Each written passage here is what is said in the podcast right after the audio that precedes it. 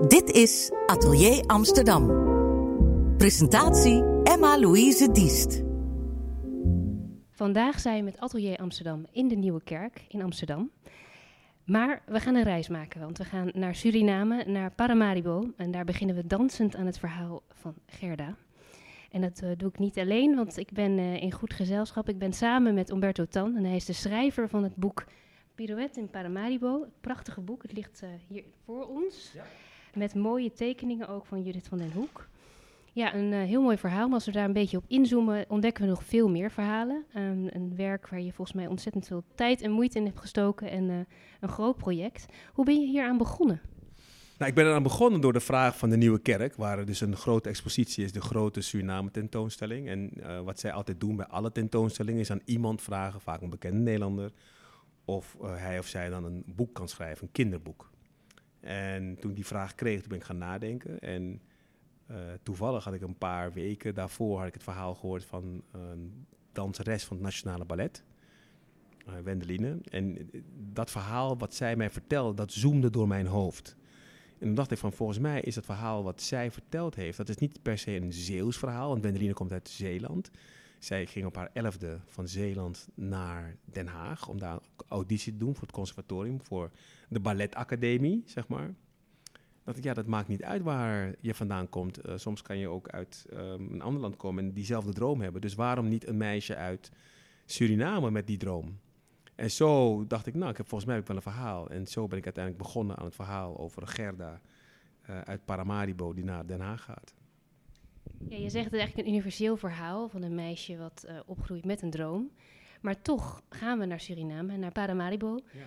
In je hoofd reis je daar naar terug. Dan komen er ook herinneringen misschien van jezelf, of in ieder geval verhalen die je hebt gehoord. Ja, het wordt ook meteen persoonlijk.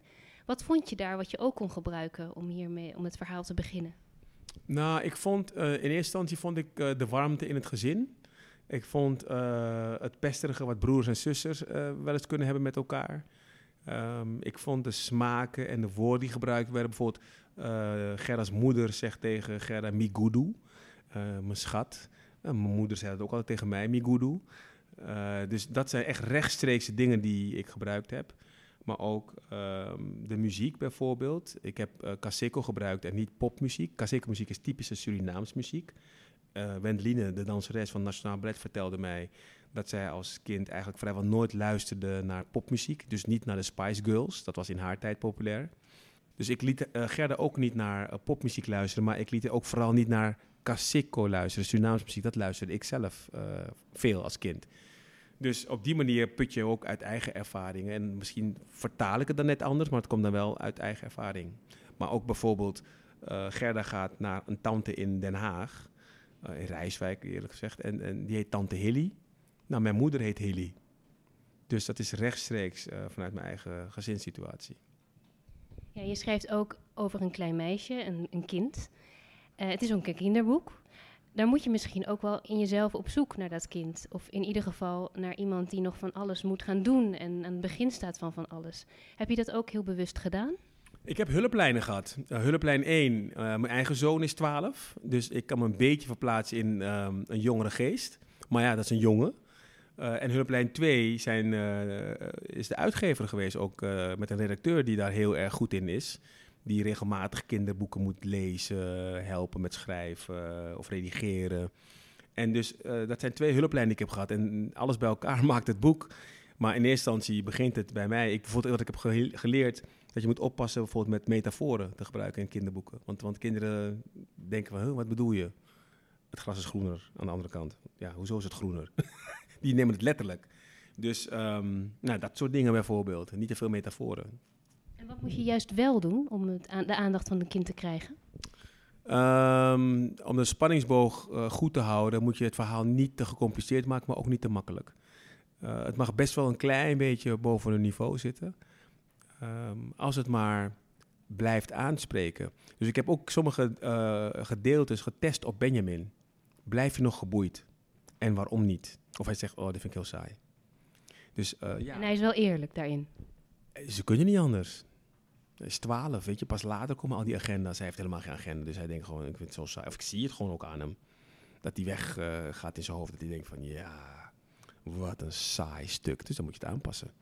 Dus ehm, ja, ik heb het hele... Heb je dat vaak gedaan?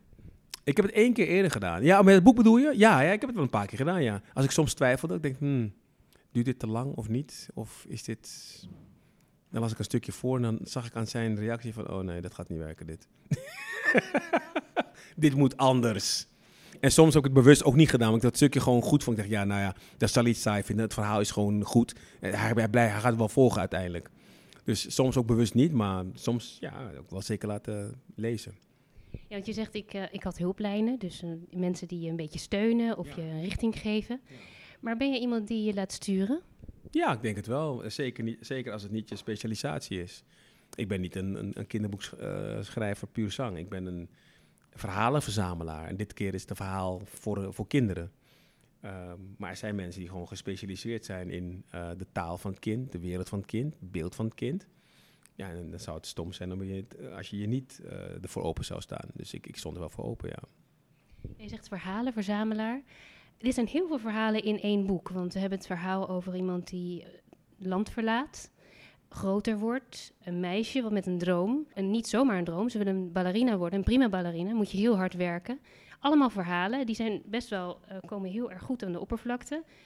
Zijn er ook verhalen die je bent tegengekomen in dit onderzoek waarvan je niet echt bewust van was dat die er waren? Nieuwe verhalen. Mm, nou, niet per se, maar ik heb wel verhalen die ik tegenkwam in het onderzoek die ik bewust niet gebruikt heb. Om, precies om wat jij zegt, er zijn al heel veel verhalen in het boek. Bijvoorbeeld, er was, eh, Gerda heeft best wel angst om te eten bijvoorbeeld. Maar ik dacht, ja, ook dat nog te gaan uitleggen is een beetje te veel van het goede. Weet je, het is en, eh, pesten en eetstoornis. En nou ja, er kwamen heel verschillende elementen kwamen naar voren. Ik dacht, nou, je hoeft niet alle eh, problemen die daadwerkelijk... En de vader. En de vader, er is toch iets mee, met niet heel specifiek over. Er is wel iets mee, maar je weet niet precies wat. Dus eh, ik dacht, ja, het is ook een kinderboek, hè. Het, hoeft niet een, eh, het is niet, het moet niet alleen maar een hoofdpijnboek zijn uiteindelijk. Het moet ook leuk zijn. Maar het, het schuurt af en toe wel, ja. Dus ik heb wel een aantal dingen wel aangestipt, maar niet uitgediept. Bewust niet. En waar schuurt het? Nou, het schuurt bij ehm, nou, de verhouding tussen Gerda en de vader. Ja, weet je, de vader vindt heel erg dat zij weggaat. En zij eigenlijk ook. Want zij weet, er is iets met vader aan de hand, waardoor hij zich niet altijd in zijn hum voelt. Maar met Gerda voelt hij zich wel in zijn hum. En als je dat weet als kind en je gaat dan toch weg en je weet dat je je vader toch iets minder gelukkig achterlaat en wat voor invloed dat kan hebben op de rest van het gezin. En, die, en die moeder en die vader stimuleren haar ook. Die zeggen ook van, weet je, ga maar. Tuurlijk moet je gaan. Je moet kiezen voor je droom. Ja, dat is heel groot van die ouders ook. En ook heel groot van haar, van iedereen eigenlijk. Om eh, te weten dat je iets achterlaat dat misschien niet zo leuk is. Maar je gaat iets tegemoet dat wel leuk is. En daar schuurt het een beetje. Ja, dus ook het verlaten inderdaad van een land. En daarin ook ehm, de stap die ze maakt naar Nederland is gelijk met de stap van de droom. Maar we hebben die twee landen en die komen ook voor in het boek. En we komen eigenlijk in Nederland komen we dingen van Paramaribo weer te weten en andersom. Hoe is dat bij jou gegaan? Hoe heb jij ehm, de twee landen leren kennen? Ja, ik was heel jong toen ik naar Nederland kwam. Ik was vier. Dus eh, mijn actieve herinnering van Suriname was heel klein. Eh, maar ik weet nog wel dat ik ben eh, voor het eerst weer teruggegaan op mijn twaalfde. En eh, ik landde in Suriname en ik, ik ging van vliegtrap, vliegtuigtrap naar beneden. En ik herkende al meteen de geur en ehm, ja, de geuren in het land. En s'avonds ging ik bij mijn oom eten en toen kreeg ik wat te drinken. dacht ik, hey, ik, ik herken die smaak. En dat was toen nog niet in Nederland. En dat was Fernandes. Ik denk, ah, dat, heb ik, dat heb ik al eerder gedronken. Ik dacht, hoe kan dat? Maar dat heb ik als kind gedronken. Dus en heel veel smaak, et cetera, die in Suriname... Toen was het nog niet zo makkelijk om, om spullen te krijgen uit Suriname. Maar ik herkende heel veel. Dus zo heb ik beide landen achteraf leren kennen. Suriname achteraf. Want Suriname zat er wel al in bij mij, vanaf mijn vierde. Maar op een gegeven moment raak je het een beetje kwijt, omdat je weg bent. Maar dan ga je terug en dan merk je dat je helemaal niet kwijt bent. Dat, dat zit gewoon in jou. Dat is gewoon ingeprent, zoals het heet. Lorenz heeft dat volgens mij ooit onderzocht met eentjes die achter hem aanliepen. Imprenten. Nou, en- als, er is een periode van imprenten wat nooit meer uit je lijf gaat. Nou, dat, dat zit tussen je baby en je tweede jaar. Dat gaat er niet meer uit. Dat blijft in je lijf. En dat, dat heb ik heel duidelijk ervaren. En, en, en dat van Nederland. Ik was een keer in Suriname voor een kennisuitwisselingsprogramma. Ik gaf les aan uh, journalisten daar. Ehm, althans, ik, ik, deelde mijn ervaringen met journalisten daar. En op een gegeven moment was het uh, pauze en toen zei ik... Nou, we gaan nog uh, een half uurtje door en dan hebben we de pauze en hebben we broodjes. Moesten ze heel hard lachen. Broodjes? Broodjes? We willen helemaal geen broodjes. We willen bami, we willen nasi.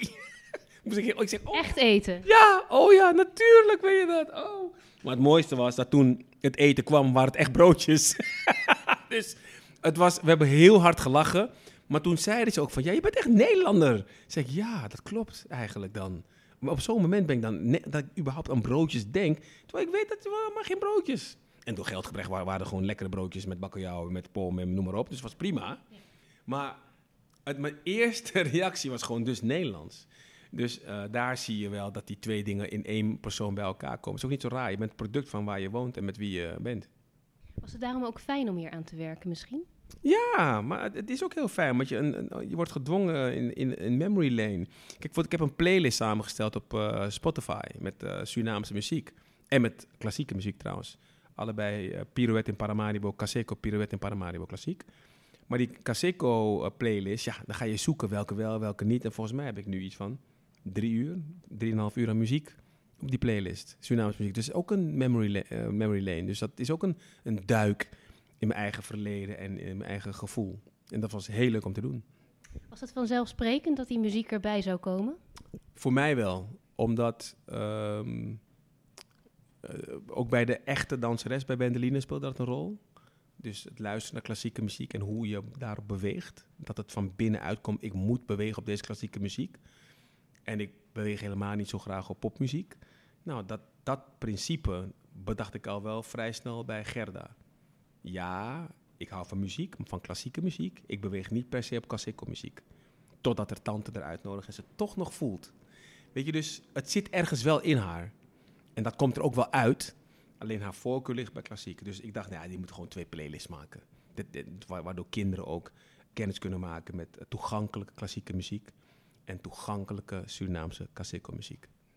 Is het ook een beetje de reden dat je het hebt gedaan? Dat je zou willen dat mensen die, of kinderen die dit boek gaan lezen, dat ontdekken in zichzelf?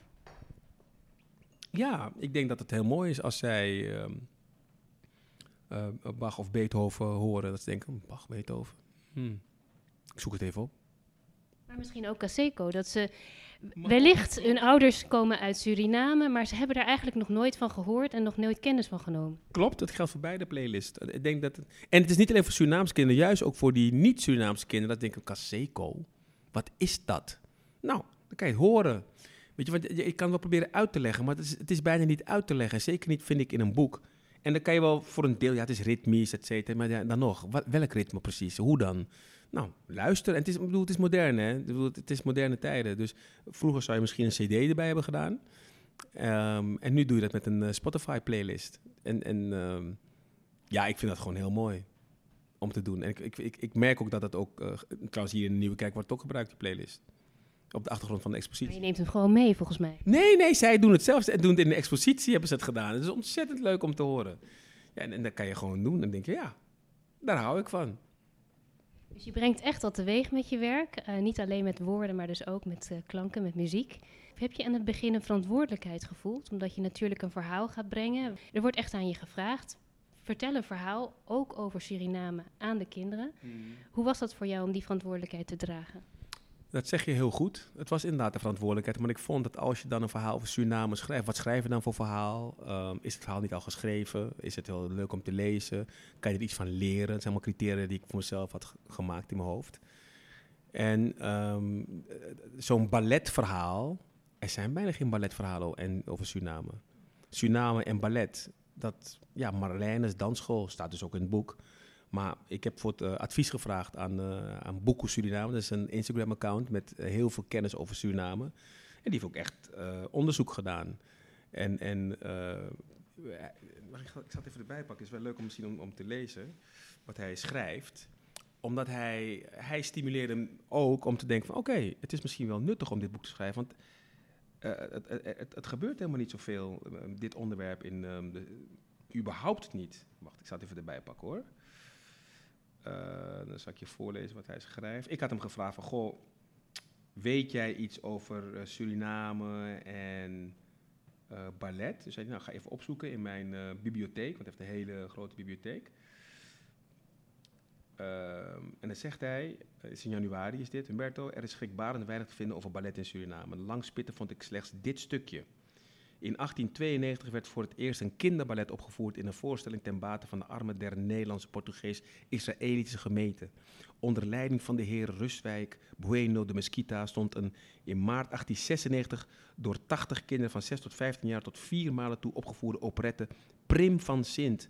Gouverneur van Asch van Wijk onthaalde de kinderen die aan de operette hadden deelgenomen ten gouvernementshuizen. Punt. Meer heeft hij niet gevonden. Alleen dit vage stukje. Dacht ik, nou, dan ga ik. En hij had me ook laten weten dat hij één foto had gevonden van Gerda Saandam. Een, dan, een danseres, een ballerina. Echt boeken die uitsluitend over ballet in Suriname gaan, heb ik niet. Ik heb wel een boekje met een foto van Gerda Saandam, ballerina van het eerste uur in Suriname. Daarom heet mijn hoofdpersoon Gerda. Dus met jouw werk krijgt Gerda ook een verhaal. Ja, er wordt haar verhaal en is ook weer verhaal. Dus zo heb ik dit een, plek gegeven. Want dit is het. e- Dus één foto en dit stukje uit 1892. En dan heb je dit kinderboek. That's it. Je hebt het boek geschreven voor mensen met dromen. Is het een droom van jou dat er meer bekend wordt, meer geschreven wordt, meer wordt verteld? Ja, kijk, ik, ik, mij, kijk, ik vind een droom eh, wel als verhalen kunnen verbinden. Eh, als je van verhalen kan leren, als verhalen je inspireren. Er komt net een vrouw naar eh, Judith en mij toe. We hadden een signeersessie hier in de kerk. En een vrouw kwam naar ons toe en die zei van, gewoon, weet voor, ons, voor mij signeren. Ik, mijn droom is, zei ze, eh, om een kinderboek te schrijven vanuit Javaanse optiek. Er zijn heel verschillende bevolkingsgroepen in Suriname. Zij was Javaans. En ze, was, ze had tranen in haar ogen gewoon. Ze zegt van, jullie zijn een inspiratie. jullie hebben het gewoon gedaan. Ik wil het nog doen. Ik zeg, doe het, stap voor stap. En je hebt geen garantie op succes, maar doe het gewoon, stap voor stap. En wie weet, dat is het enige wat je kan doen. Stap voor stap en doen. Beweeg. En vanuit die beweging ontstaat misschien iets. Ja, ik vond het heel mooi. Volgens mij is dat ook waar dit boek over gaat. Dat je je dromen najaagt en eh, je door niets laat tegenhouden. Durf te dromen, zeg ik tegen eh, als opdracht. Zeg, de uitgever vroeg me, wil je, aan- wil je een opdracht eh, in het boek? Zeg ik, ja. Zeg ik, voor alle kinderen die durven te dromen. Laten we daar dit gesprek mee eindigen. Prachtig. Dankjewel voor dit gesprek. Jij bedankt voor het gesprek. Mooi gesprek.